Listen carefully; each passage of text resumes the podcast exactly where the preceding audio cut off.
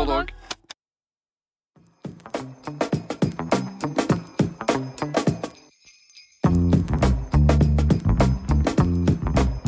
Denne boka vi skal snakke om i dag, ble refusert 121 ganger før den fikk en sjanse. Men den har siden solgt over fem millioner eksemplarer. Det er svimlende tall for det som ved første øyekast kan ligne på en bok om å ta vare på motorsykkelen sin.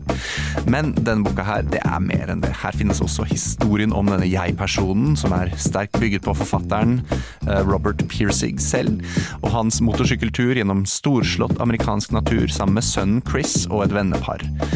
Um, underveis i boka så drøfter denne jeg-personen mye om livet og det å ta vare på tingene sine, om rasjonalitet og kvalitet og Ja, det er ganske interessant. Det er liksom en filosofisk roman som um, Ja, ok, jeg må faktisk komme med en innrømmelse her. Der. Altså, jeg, da jeg leste denne boka her, så Jeg likte den ikke. Vi snakker om Zen og kunsten å vedlikeholde en motorsykkel av Robert Piercig.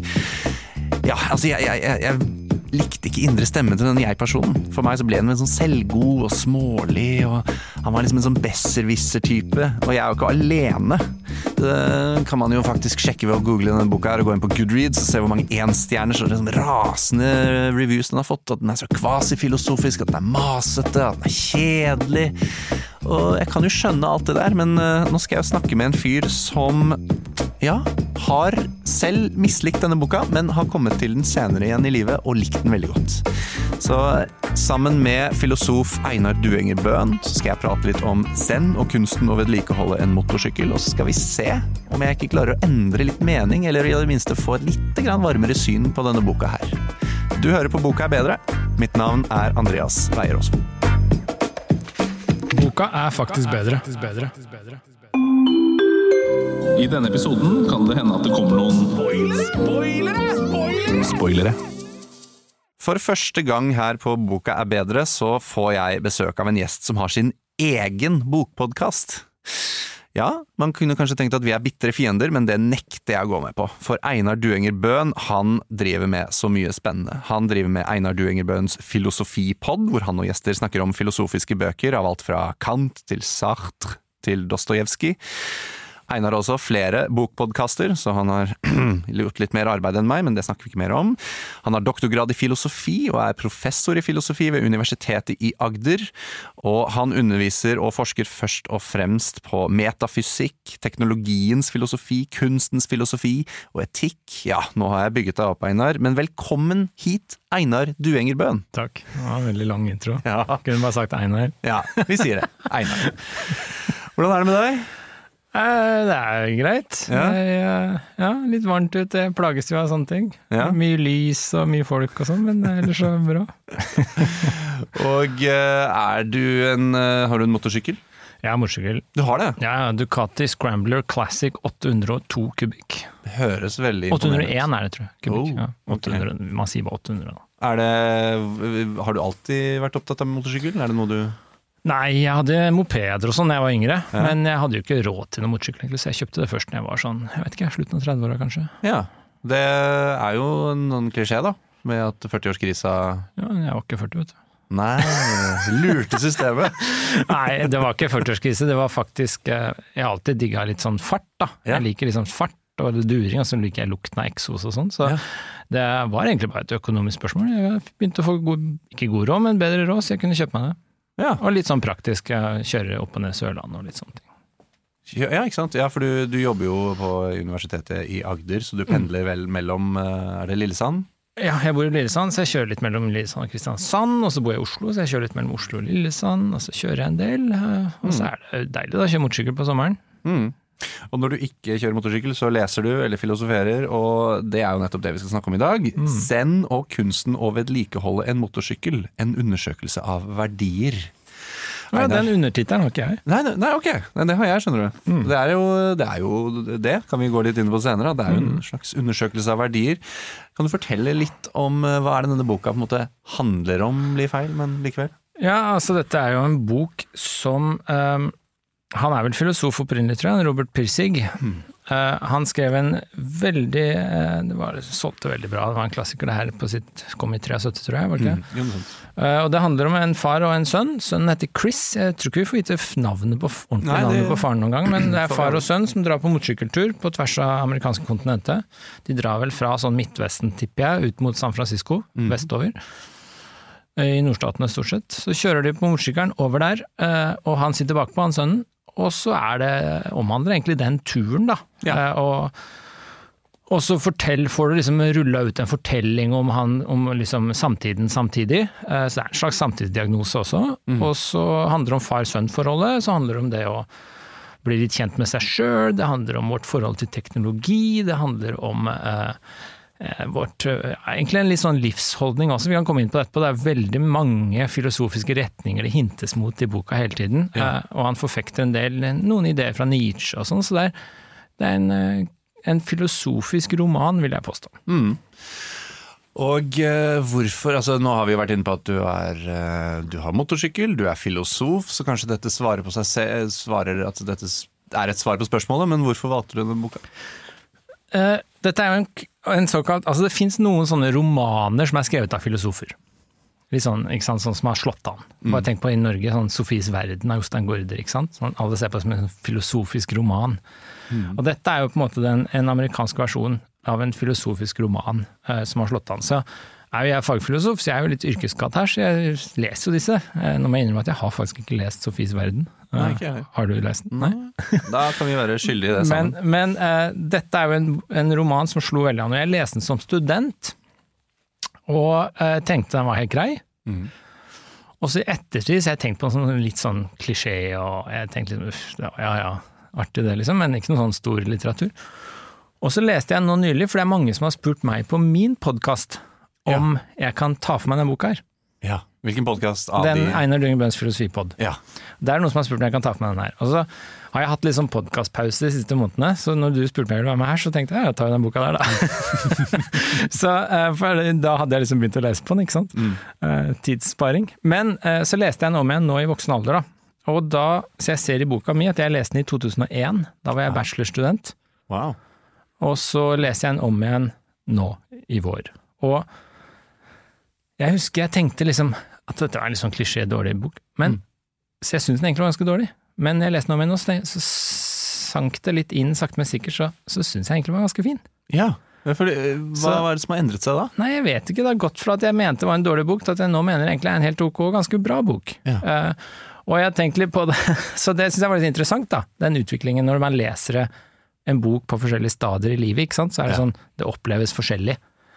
Eh, jeg tror eh, en del bøker ville nok kanskje vært omvendt. At jeg syns de var bra den gang, men syns det er jævlig dårlig hvis jeg leser i dag. Mm.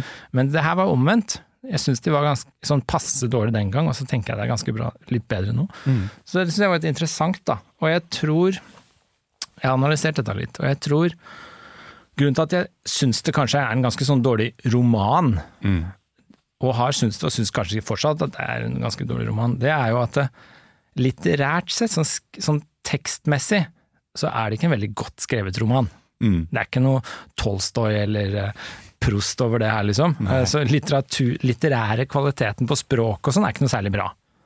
Og ganske sånn platt og enkel og korte setninger, og liksom det er veldig sånn Det kan en oversettelse, nå har ikke jeg lest den engelske, Nei, det er norske jeg har lest, så det kan en oversettelse litt, ha litt av skylda, men det er ikke sånn stor litteratur på den fronten. Så hvis jeg var litteraturviter, så hadde jeg ikke liksom fremheva den her, tror jeg. Mm.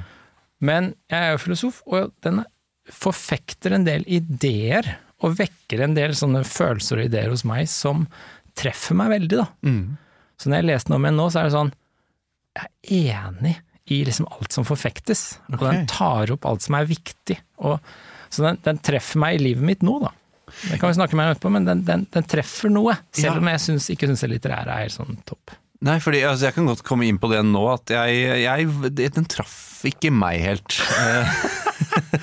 Men du er sikkert yngre enn meg. Jeg er 33. Ja, ikke sant? Du Eh, er 10-12 år yngre enn meg. Ikke sant? Og, og det kan være at jeg da leser den om 12 år, 10-12 år, og, og, treffer. Men, men skal sies at jeg var midt i den og tenkte dette, er, dette kommer jeg nok ikke til å like, eller dette liker jeg ikke.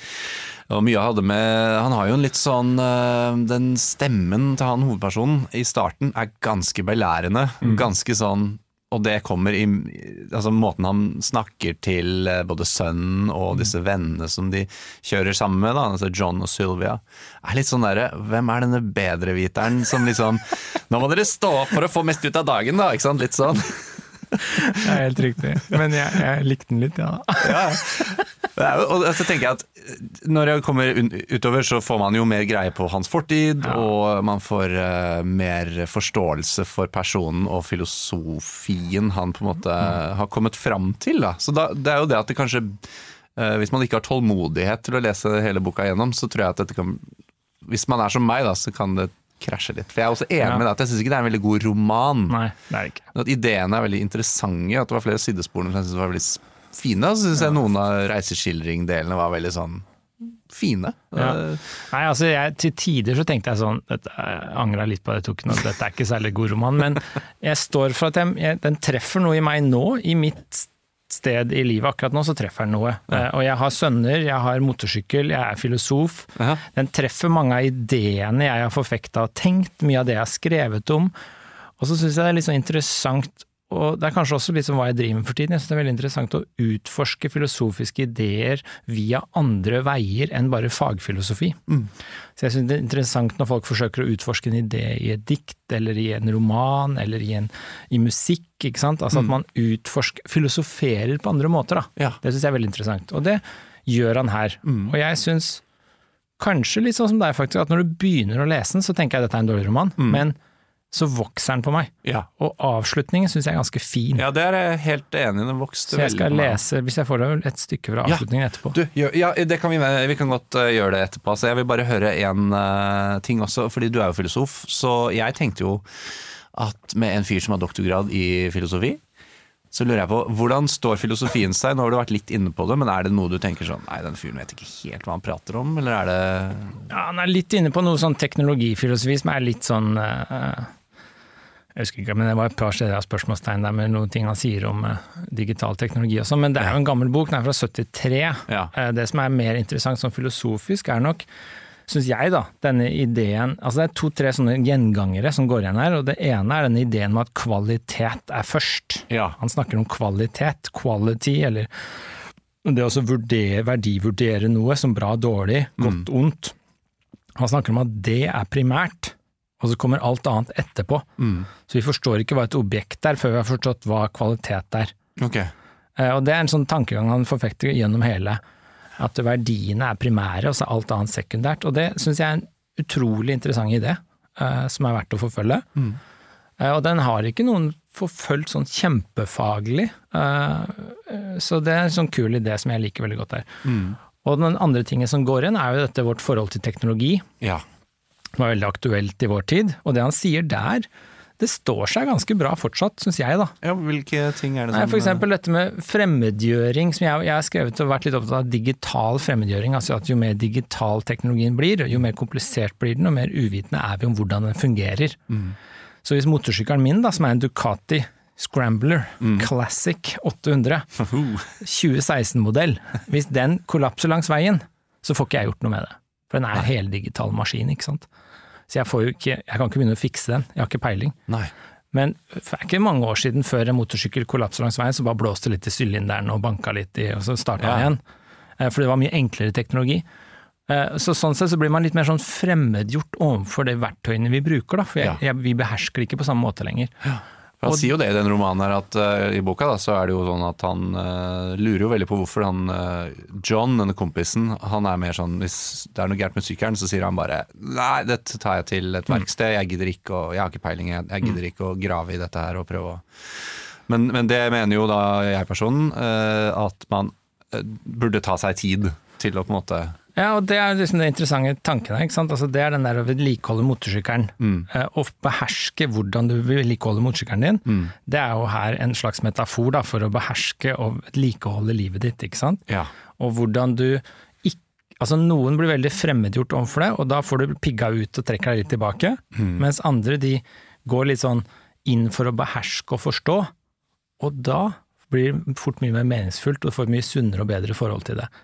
Og dette er en gammel tankegang i teknologiens filosofi som jeg syns er ganske interessant. Altså, det å føle at du behersker noe, gjør at du er mindre redd for det. Du, er, du tar mindre avstand fra det. Du, du, er mye friere i forhold til det du behersker, enn når du ikke behersker noe. Da blir du litt sånn skremt og tar avstand og er forsiktig, og da får du en helt annen livsholdning, da. Ja. Og det skillet syns jeg han er ganske interessant på i boka. Og det er jo en gammel idé som går tilbake til Heidegger, da. Martin Ja. Heidegger, om teknologi. Jeg tenker at Det også kan overføres til litteraturen. Det at vi leser kanskje mindre.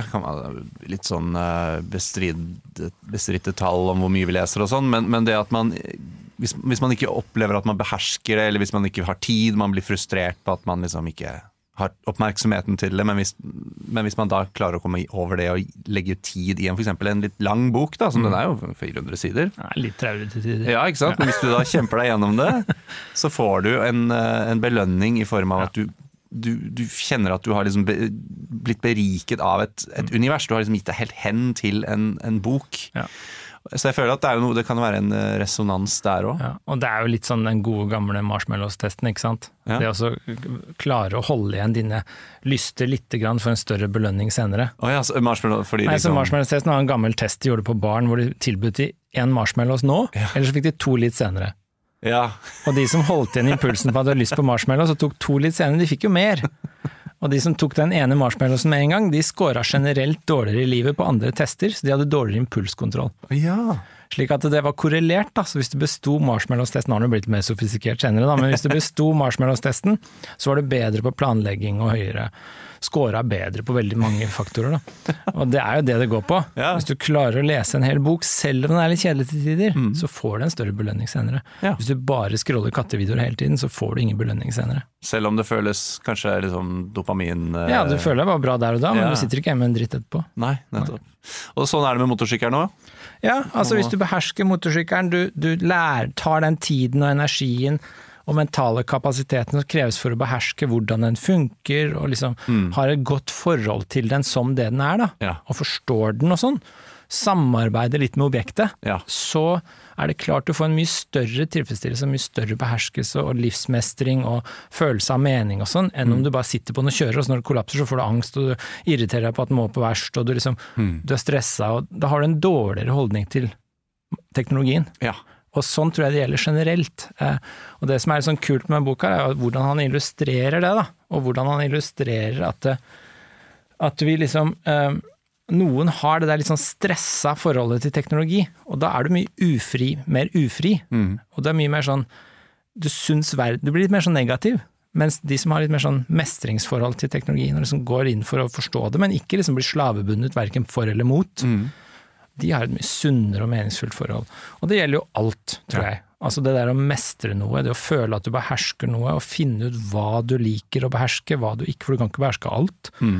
Så det er jo det boka handler om, å finne liksom frem til seg selv, da. ja. Har du Det lyst til å lese litt eh, fra den? Nå Ja, men det er jo- en tanketrend til i boka, vi må nevne før jeg glemmer Ja, det. ja, Men så ja. får ikke jeg sove i natt. Det er, og det er at vi så på den ene siden at det handler om vårt forhold til teknologi. Mm. Og så handler det om eh, det å liksom mestre ting og, og livsfølelse og sånne ting, og vedlikeholde oss. Så handler det om far-sønn-forholdet. Mm. Eh, men så er det en tankegang til som jeg syns er litt interessant, og det er den derre at denne hovedpersonen, da, han har jo vært Uh, Uttrykket de brukes i denne boka er jo sinnssyk. Ja. Uh, Det bruker man kanskje ikke lenger, men Nei, det er ganske men- godt uttrykk hvis du tenker sånn bokstavelig talt, for du er syk, i sinnet. Ja, ja, ja. Det er jo det man er når man er deprimert, så er man syk i sinnet. Så det er jo ikke noe gærent, men det har litt sånn andre konnotasjoner og sånn. Det er. Eh, Men så han har jo vært lagt inn, viser det seg sakte, men sikkert. Så mye av det som går inn i boka, og slutten tar opp igjen, er jo det derre den tension alle opplever mellom det å tilpasse seg og være en velfungerende borger, og det å bare være seg selv, som gjør at du kanskje ikke er en velfungerende borger. Ja.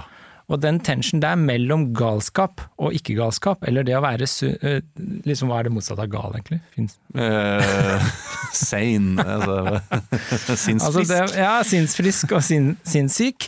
Og så spiller han litt på den, det skillet der, og det er en ganske hårfin, Ja. Bred, hår, hårfin overgang mellom de to.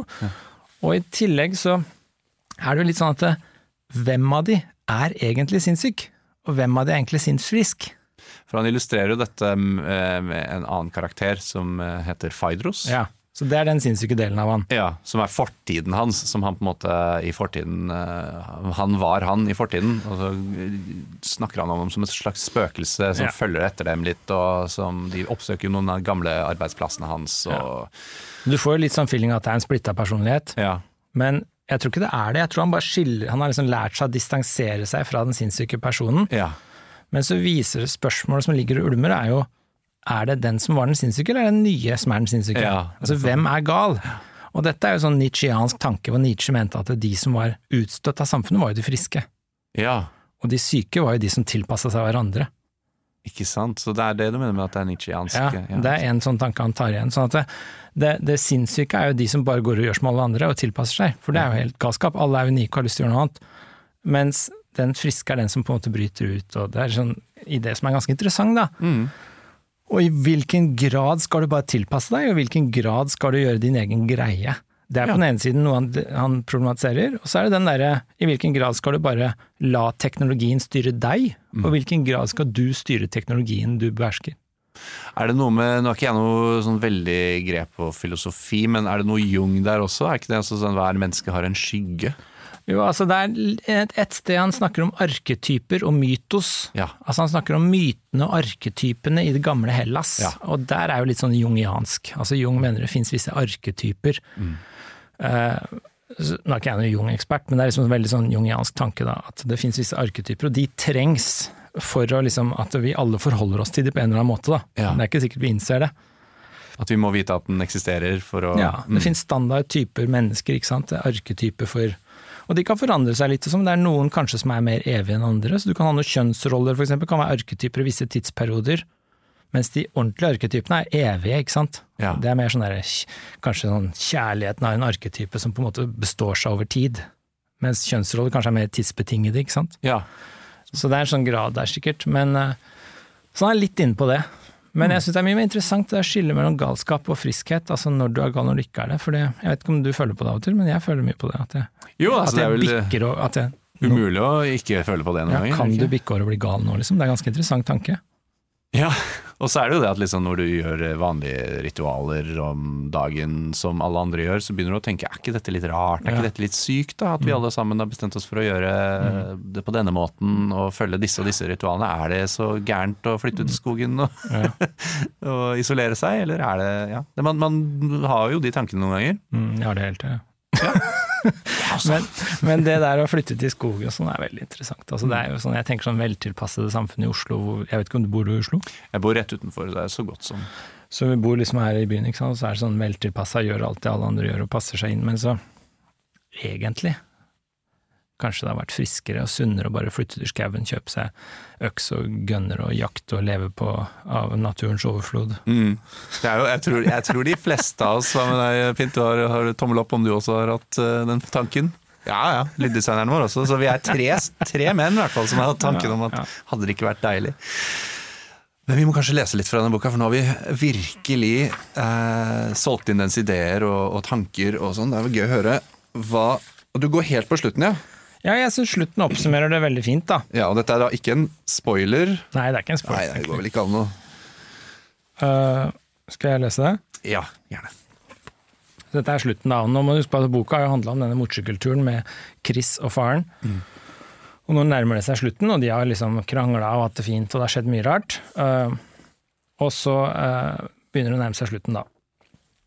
Det er så varmt at jeg får lyst til å ta av meg hjelmen. Jeg kommer til å huske på at det ikke er påbudt med hjelm i denne staten. Jeg fester den rundt en av reimene.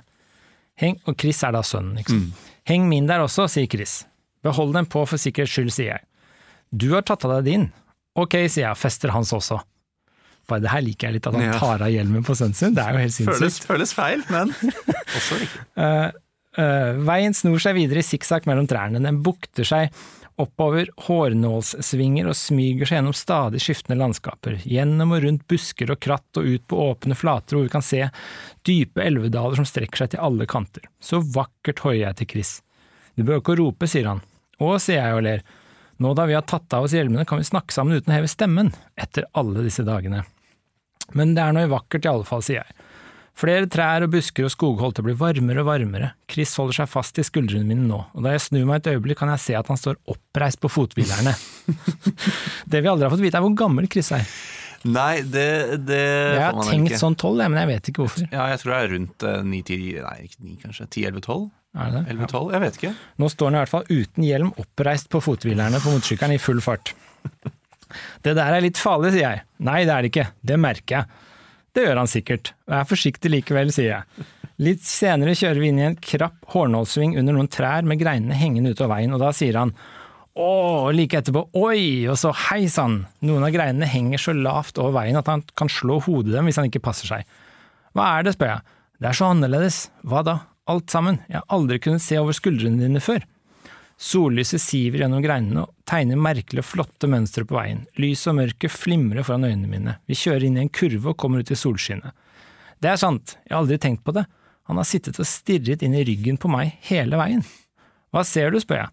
Det er helt annerledes. Vi kommer inn i et skogholt igjen, og da sier han, blir du ikke redd? Nei, du blir vant til det. Etter en stund sier han, kan jeg få en motorsykkel når jeg blir stor nok til å ha en? Hvis du steller ordentlig med den. Hvordan gjør du det? På forskjellige måter, du har jo sett hvordan jeg gjør det. Vil du lære meg det, alt sammen? Selvfølgelig. Er det vanskelig? Ikke hvis du har den rette innstillingen. Det er det som er vanskelig. Og etter en stund setter han seg ned igjen, så sier han pappa, hva, tror du jeg kommer til å ha det, den rette innstillingen? Det tror jeg, svarer jeg, jeg tror ikke det blir noe problem. Og så kjører vi videre, ned gjennom Ukia og Hopland, Cloverdale, ned i Vinlandet. Milene på motorveien går så lett unna nå. Motoren som har trukket oss tvers over et halvt kontinent brummer i vei uten å tenke på noe annet enn sine egne indre krefter. Vi passerer gjennom Asti, Santa Rosa, Petaluma og Novato, mens motorveien vi kjører blir bredere og trafikken blir tettere. Veien er tettpakket av personbiler og lastebiler og busser fulle av folk, og ikke lenge etterpå er det hus og båter ved veikanten, og der ute ligger San Francisco-bukten. Livet er naturligvis alltid en prøvelse. Lidelse og ulykke vil finnes så lenge det lever mennesker på jorda. Men nå sitter jeg med en følelse som ikke var der i forveien, og den hører ikke bare til på overflaten, men gjennomstrømmer meg helt. Vi har klart det. Det kommer til å gå bedre nå. Det er slik du bare vet. Ja, Det er en veldig fin, eh, fin avslutning. Fin opplesning òg. det er jo så mye sånn, det er mye symbol der, da. Ja? Han får endelig reise seg opp, Ja. selv om man får Jeg er også barn, så man får jo litt sånn Varsellampene går der. Må, ikke, må ikke reise seg på motorsykkel, gutt.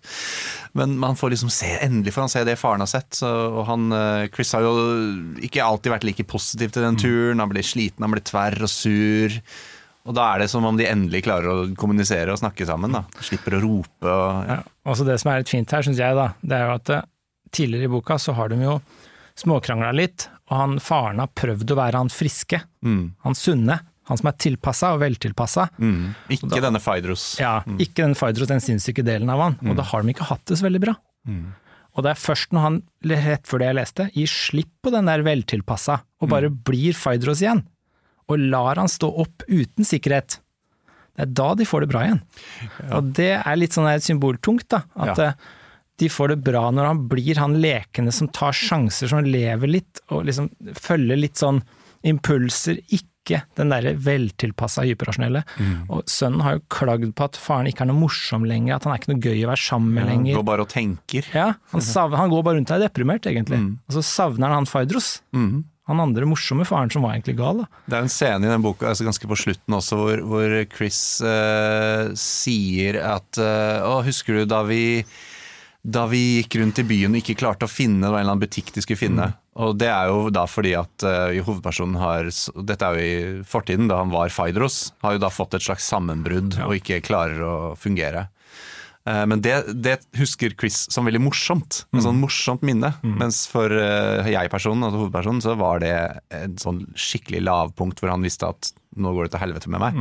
Så det er også, det er også litt sånn tra tragisk på den måten. At Ja, ja. du, så, Men det gir ikke noe sånn entydig svar, da. og Det skal jo det heller ikke gjøre i en bra filosofibok. det er sant. Men jeg, jeg liker den der at han gjør det uansvarlige, men får det bra.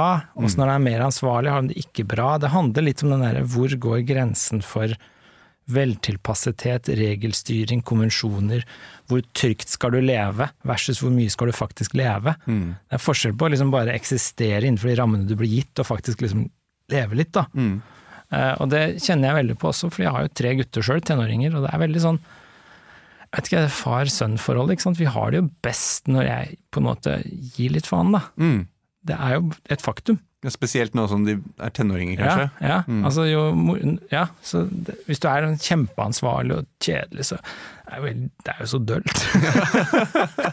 så det er liksom sånn hvor Men så er det, kommer det en grense, da. Jeg har jo motorsykkel. Jeg hadde jo aldri latt de stå på fothvilene på motorvei mellom trailer og biler, som hans gjør, uten hjelm.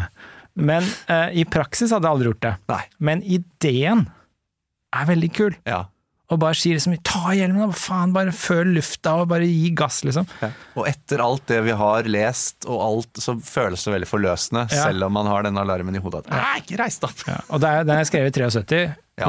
Jeg er født i 77, da. Men på begynnelsen av 80-tallet så lå jeg i hatthylla i bilen uten bilsela mens, foreldre, mens noen satt og røyka i framsetet, liksom. altså det var andre sikkerhetsstandarder Ja. enn det er i dag. Pappa, min far er født i 64, og han kjøpte seg en eh, boble nå fra 63. Og det var litt sånn nostalgi, da, for han, sa- han har tre søsken og med deres to foreldre. Så han sa jo det at uh, da satt jo de tre, altså de fire søsknene på et eller annet vis i baksetet. Ja. Uten setebelte. Ja, ja. Det er bare setebelte. Det er noen sånne skittige setebelter som er foran, som du nesten Mm. bare drar. Og så Jeg har sittet på med pappa i den bilen nå og tenker sånn Dette her er jo ikke mulig. Hvordan, hvordan er Det plass til Det er jo ikke plass til tre stykker engang. Hvordan er det plass til eh, seks stykker? Og det er helt, men, men sånn var det. Og Ja. Det er noe veldig sånn gøy med hvordan verden bare går eh, ganske fort fremover, da, på det teknologiske spesielt. Ja, så er det sånn, jeg vet ikke om du husker den barne-TV med han Nure? Hjul i svingen, eller hva det heter? Ja, jeg kjenner til det. Jeg tror Han jeg, Nure gikk jo med sykkelhjelm hele tida. ja, ja. Mora var så redd for at han skulle skade seg, så han gikk med sykkelhjelm hele tida. Når han bare gikk rundt i nabolaget, så hadde han på seg sykkelhjelm. det er veldig morsomt, Ja. men det er litt sånn tegn i tiden. Du kan bli for mye av det, av det gode ikke sant. Absolutt. Og så har du levd hele livet så jævla trygt, og så har du egentlig ikke opplevd noen ting. Uh, så det er en balansegang. Eh, og når det kommer til teknologi òg, liksom, altså, det kan bli for trygt og for brukervennlig, og da føler man ikke at man lever lenger. Ja, det er som du var inne på i sted, da, hvis, uh, da kan man overføre til egentlig alt man har. Hvis vi har jo to, begge to telefoner som sannsynligvis uh, vi ikke kan fikse selv. Mm. Eh, det koster jo veldig mye å få den fiksa hvis skjermen knuser. Hvis, før så kunne man kanskje gjort det selv. Liksom. Det er Ja. sånne ting man ofte tenker på. da, At eh, det er lagd for at man bare skal kjøpe nytt. Ja, helt, ja. Ikke kunne vedlikeholde selv. Jeg tenkte på det når jeg leste den her, fordi jeg har sånn eh, fase nå hvor jeg gjenoppdager gleden ved å spille elgitar. Jeg har spilt mye elgitar før, og så har det vært noen år med litt sånn dødtid.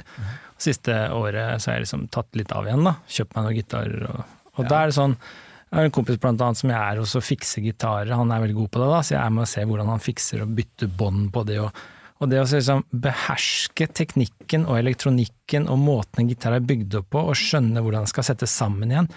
Det som er så deilig med det, da, det er at hvis du skjer noe med gitaren din, Mm. er ikke noe farlig.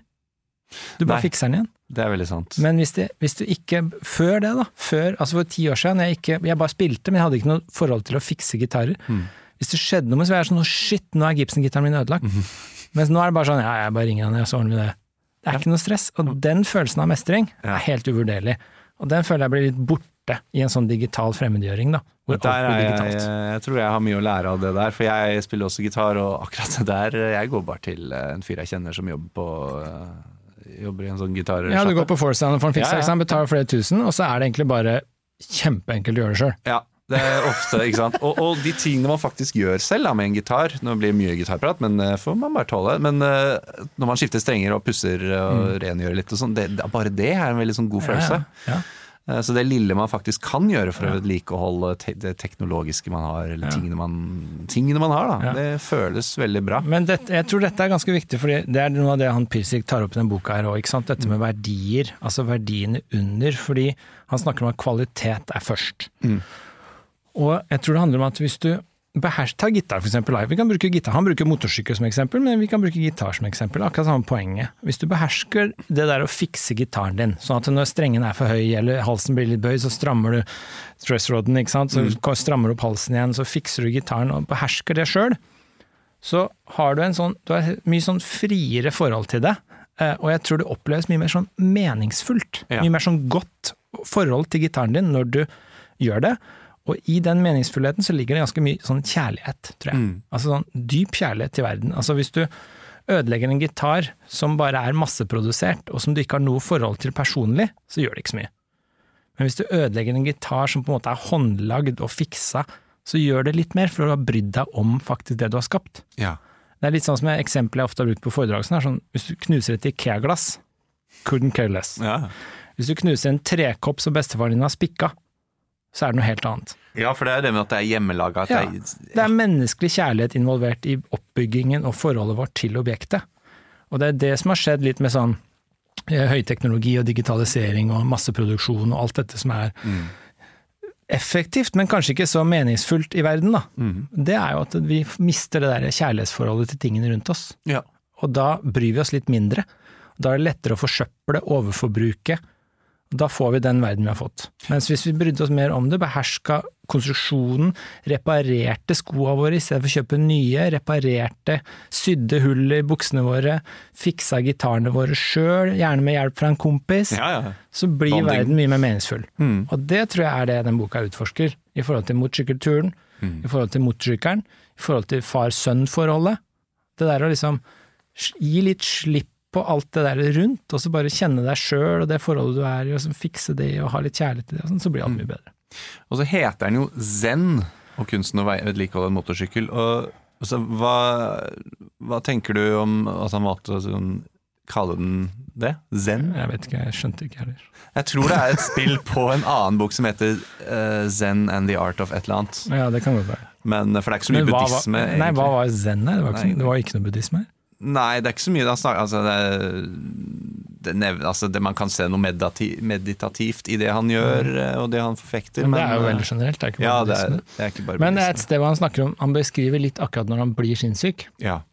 Og det er litt interessant, for der snakker han om hvordan bevisst Han bare blir sittende, og så spør kona om det går bra, så svarer han ikke, og så til slutt så har han vel eh, Han har vel holdt sigaretten til han har brent fingertuppa, og så har han tissa på seg. ja. Eh, Og da skjønner man at det er noe gærent, og så legger du den inn. Men det som er eh, greia, er at når han forklarer det skrittet over i sinnssykdommen, så forklarer han hvordan bevisstheten hans oppløses. Så jeget hans oppløses. ja. Han har ikke lenger en samla jeg, han bare sklir ut i alt. Og det er litt sånn, litt interessant, og det er litt sånn buddhistisk tankegang at når du opp, men da skal det være noe bra, da. Når Ja. du oppnår nirvana, liksom Ja. går opp i altet, og jeget ditt opphører, så er det en bra ting for, for når du kommer i den tilstanden. Mm. Jeg har aldri skjønt den, for jeg syns det er ganske meningsløst å oppheve jeget. Det er jo helt meningsløst. Jeg vil jo styrke Jeg er veldig glad i jeg. jeg. Ja, jeg vil styrke det, ikke oppheve det, så det er liksom feil. Men her sånn så snakker han om hvordan det oppløser seg. Mm. Eh, og det syns jeg er et sånn interessant bilde på det å bli gal. da. At, eh, for da snakker vi kanskje ordentlig gal, ikke bare du er deg sjøl i stedet for å følge alle andre gal. Ja. Men da, blir, da mister du jeget, ja. og da blir du jo borte. Da klarer du ikke å henge med lenger. Det, vi snakket jo litt om det før vi gikk på her, at vi er ikke så Ingen av oss er så veldig opptatt av sånn hva, Hvem er forfatteren, på en måte, egentlig? Altså, I hvert fall hvis man eh, prioriterer å snakke om det over boka. Men det vi kan si, det er jo at Robert Piercig selv var jo på mentalsykehus. Han, han eh, fikk det som han eh, Jeg vet ikke om det var vanligere før enn nå, men han fikk jo sånn elektrosjokkterapi og sånn. Det, det har han sagt selv. Og han har jo en sønn som heter Chris. Det er jo nærliggende å tenke at Ja. her har han eh, opplevd at mye av dette kan være selvopplevd.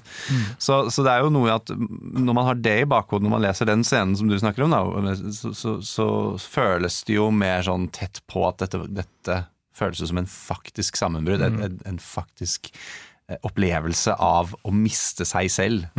Også- Også det at han ikke har et navn i denne boka, gjør, gjør det jo litt sånn eh, tettere på det, syns jeg. At ikke han blir en karakter, han blir liksom nesten et avatar for leseren. Ja, jeg er enig i det. Og det er jo, eh, du merker at det er liksom selvopplevde ting her, Ja. når du leser det. Ja. Og det tror jeg bøkeren, det tror jeg egentlig kan være ganske bra. Så jo mer man Man kan godt være litt sånn jeg, jeg, jeg har skjønt liksom at hvis, du, hvis man gir litt av seg selv, så kjenner folk seg bedre igjen også. Jeg tror vi er ganske like. Veldig mange er ganske like på sånne standard liksom arketype ting inni deg. Sånn der eh, kjærligheten, kjærlighetssorgen, eh, vennskap. Alle tingene er ganske likt. Ja. Eh, Og gi litt sånn, så kjenner vi hverandre igjen i beskrivelsene. Og så, alle har liksom kjent litt på den sinnssykdommen han beskriver, ikke sant. Alle har kjent litt på det forholdet mellom far og sønn, hvis du har en sønn, da. Alle har kjent litt på de tinga der, ikke sant. Mm. Og det syns han ganske sånn ganske godt beskriver, da. Jeg syns det. Eh, Og du, får- jeg får i hvert fall litt sånn varme for det forholdet mellom far og sønn. da. Litt Ja. sånn til tider fremmedgjort.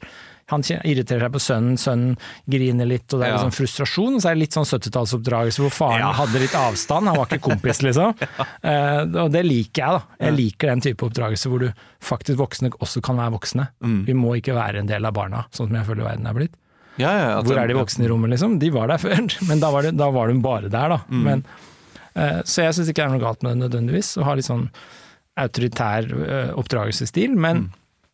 jeg syns det er ganske sånn fint beskrevet forhold. Da. Jeg kjenner igjen mange trekk der med sønn-far-forholdet. Ja, jeg kan skjønne det. Jeg, jeg, jeg, det var et veldig fint forhold som er beskrevet, jeg er helt enig i det. Jeg tror jeg ble litt mer sånn oppgitt på han for far her. Ja. Eh, og jeg tenkte sånn, du kan jo løse det på en bedre måte enn dette da! Han slår seg vrang, ja, men ja, litt sånn. Men, men det er jo en bok, man skal jo eh, Det, det er jo ikke en eh, Og hvis den hadde vært skrevet i dag, Ja. så hadde nok løsningen vært litt annerledes. Jeg tror det. Ja. Jeg tror ikke den hadde fått eh, ja, den, ja, jeg tror også løsningen hadde redaktøren har sagt liksom Ja. du må fikse litt på det der. Jeg tror det. Eh, Men det er greit, det er jo en tids fra en annen tid det her det også. er. Men er, det, uh, er dette en selvhjelpsbok? Hva, hva ville du kalt den det? Nei, jeg ville ikke kalt den det. Uh, men den har jo de elementene, Ja. eh, noen av de elementene, men jeg ville ikke kalt det en seriøs bok. For det er jo et begrep som vi bruker mye i dag. Ja. Og det fantes jo selvfølgelig masse selvhjelpsbøker før i tiden nå, men, men uh, um, er, det, er det litt derfor den har sin relevans? Fordi den på en eller annen måte klarer å fortelle hvordan et liv kan leves på veldig sånn konkrete måter. Eller det er jo ikke så mye konkrete måter, men det er liksom Nei, det Grunnen til at jeg egentlig valgte den for den podkasten, er fordi jeg syns den, den hadde litt overraskende relevans i dag. Ja. Og det syns jeg er først og fremst det der far-sønn-forholdet, syns jeg mye av det står seg fortsatt. mm, Eh, Men jeg tror det, han, det der snakk om hvordan vi forholder oss til teknologi, mm. det, er- det bare står seg helt perfekt fortsatt. det, Det er liksom ikke noe nytt. Det han snakker om, hans forhold til motorsykkelen, da, Mm. det er liksom vårt forhold til gitarer, iPhoner, det er liksom det, er det samme. Ja. Bortsett fra at det har styrka seg liksom hvor mye teknologien dominerer, og hvor fremmedgjort vi er blitt, Mm. i stedet for å minske. Så den er nesten mer relevant nå enn Ja. den var den gang. For teknologi, jeg føler at det betyr noe litt annet i dag enn det, gjorde. Eller i hvert fall begrepsforståelsen er litt større. Altså, nå, nå tenker jeg med en gang på liksom Mac-en min og telefonen min istedenfor på en bil og motorsykkel. Da. Men du eh, vet hva teknologi kommer av? Ja, han, han er jo litt inne på det, kan ikke du Nei, altså Teknologi er jo et begrep som kommer av greske tekne, tekne og logos. Og logos betyr læren eller teorien eller sannheten om, Ja. og tekne er en slags blanding av praktisk og teoretisk kunnskap. Det, betyr, det oversettes gjerne med kunnen, det å kunne noe. ja. Så tekne er det samme som kunst kommer av. Så oh, kunst ja. kommer av det å kunne noe. Kunsten å lage suppe, kunsten å male. Det kommer av å Ja. kunne gjøre det. Og teknologi kommer av, da, betyr da bokstavelig talt læren om det å kunne løse noen problemer. Altså læren om det å kunne noe. Ja. Eh, Det er det teknologi egentlig betyr. Og da er jo min favorittforståelse av teknologi, som jeg har definert i min bok, da, Mm. det er jo at eh, teknologi er en slags implementert teknikk. Så det er teknikker som implementerer i ting. Så vi Ja. kan gjøre det med en hammer og en spiker og implementere det gjennom kroppen vår, teknikken. Eller vi kan gjøre det i en robot som gjør det automatisk. Mm. Og poenget i dag er bare at teknologien i dag er veldig sånn digital, selvdrevet, autonom. Det er maskiner som står og går. Ja. Mens tidligere så var det mer sånn analogt og drevet av folk som var mye mer involvert, da. Ja. Eh, Så da var det liksom tenk forskjellen på en hammer og en spiker og en spikerpistol. Mm. Det er ganske stor forskjell i involveringen. Og så tenker du det er en maskin som står og skyter spiker uten at noen er der og hjelper til engang. Ja. Det er helt annen Så vi får fjernere og fjernere forhold til hva, hvordan det faktisk gjennomføres. Ja.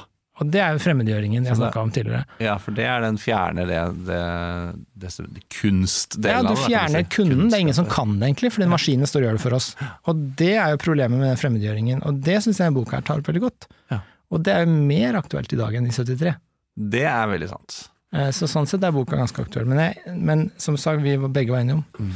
Det er jo ikke noe prost akkurat. Nei, det er ikke noe Prost, det er ikke noe Dostojevskij. Men, men, men jeg, liker, jeg merker jeg liker boka mer når vi snakker om det. Ja, Så det er det tror- som er litt sånn kult med boka. Ja, jeg det, likte den jo bedre andre gang jeg leste den første. Ikke sant? Så det skal ikke utelukke at jeg leser den her om en 10-12 år. Altså. Nei. Så ringer jeg deg. Ja, altså, fordi jeg syns også det var interessant det første du sa om at var, han var litt sånn Han var litt sånn uh, besserwisser. Ja. Fordi han er jo det. Ja. Men det irriterte ikke meg så mye, egentlig. Nei. Fordi, for det første så finnes det jævlig mange besserwissere i dag òg. Sånn som bare tror de veit alt. Og hvis Ja, ja. du er uenig, så får du ikke lov til å si noe, eller de hører ikke på deg, eller de bare er veldig arrogante. Og den besserwisser-holdningen fins. Mm. Og poenget med han her er at han er litt besserwisser, men han er jo inne på gode ting. Ja, han har jo mange gode ideer. Han er ikke sånn besserwisser som ikke veit hva han snakker om. Han har tenkt gjennom det. Og da syns jeg det er litt sånn Hvorfor skal vi da late som vi ikke mener det? Nei, det kan du si. Altså Hvis han virkelig står for det, si det da, og begrunn det, og Mm. møt motstand. Mm. Ikke sant? Ikke bare lat som du vet masse, og så når du får litt motstand, så trekker du deg unna. Det er feigt. Vær litt besserwisser hvis du faktisk mener og kan stå for det. Ja. Det syns jeg er bare helt fair, jeg. Du har gode poenger. Det er én uforsvarlig ting han gjør, og det er å vekke dem i sånn syv-seks-tiden eh, for å kjøre dritkaldt. Der må jeg sette ned foten som Syns du B-menneske. det var verre enn å ta hjelmen på ungen? Det kan jeg ikke svare på. Eh, er denne, vi har vært også litt inn på det, da, men er dette typisk for det du leser? Hva da? Sånn vanlig, denne boka her? Nei, ikke i det hele tatt. Hva er det du vanligvis Nei, altså, eh, eh, jeg, når jeg først leser skjønnlitteratur, så leser jeg mye bedre skjønnlitteratur, for å være helt ærlig.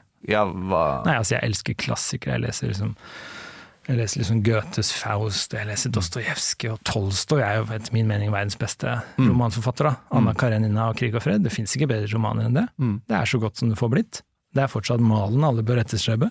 Men det er mye filosofi i, eh, i disse bøkene òg, så det jo, den har jo noen sånne Ja, men jeg synes kanskje den- den her, jeg leser den den, nå når jeg liker den og snakker litt varmt om den nå, Ja. så er det fordi jeg liker på en måte ideene den presenterer skjønnlitterært. Ja. Så det er en idébasert roman jeg liker, ikke en litterært basert roman. Så den flyter ikke på språket, den flyter på ideene. ja. Eh, mens andre forfattere som jeg egentlig kanskje liker mer å lese, da, Mm. sånn som eh, John Williams, Stoner og- Stoner, eh, Butchers Crossing Mm.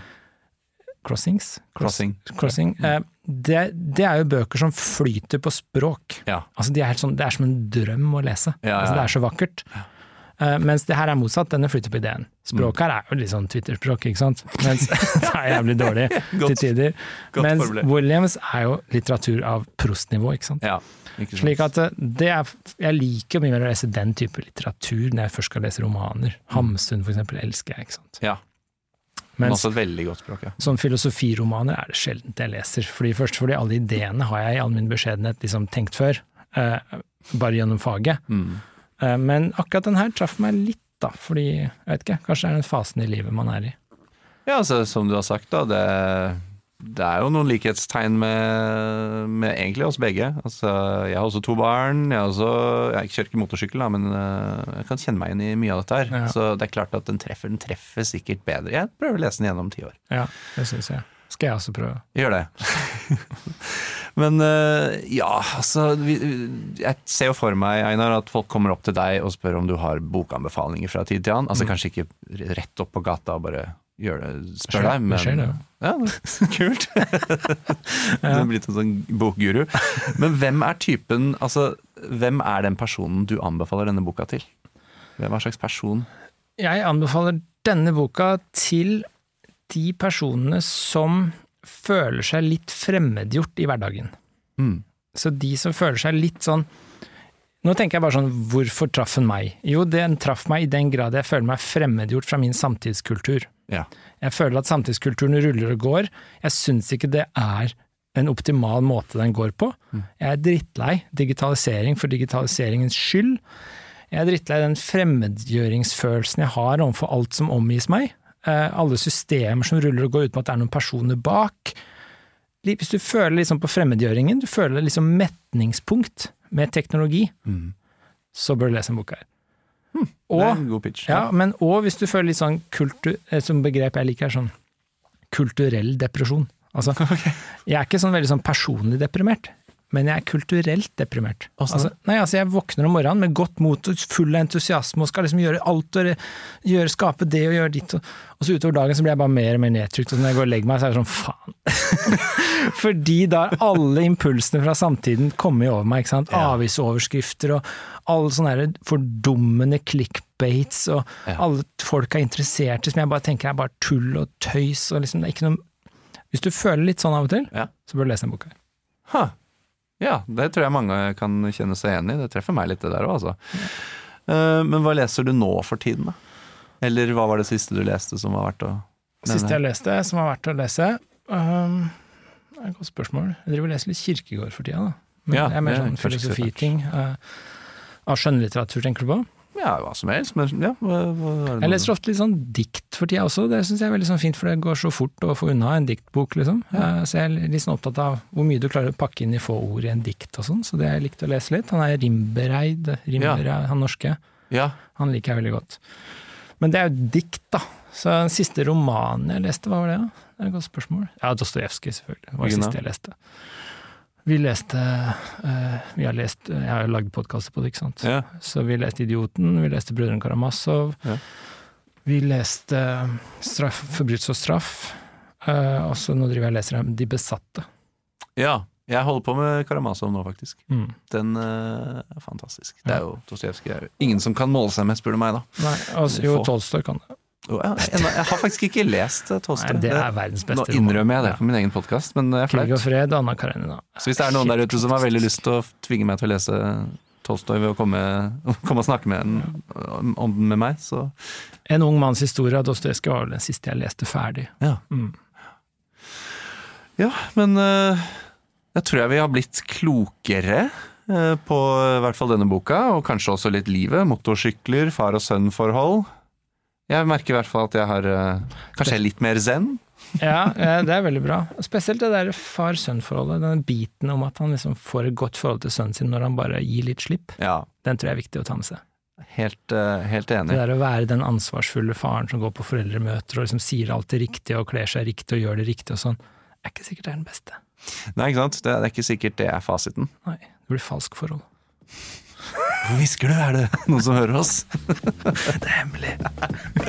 Einar Duengebøen, tusen takk for at du har vært med på Boka er bedre. Tusen takk for at jeg fikk lov til å være med. Du har hørt på Boka er bedre. Produsent har vært Felix Sullivan. Tekniker har vært Hans Christian Heide. Boka er bedre er produsert av både og med Stian Lettesier. Og mitt navn er Andreas Weier Osvold.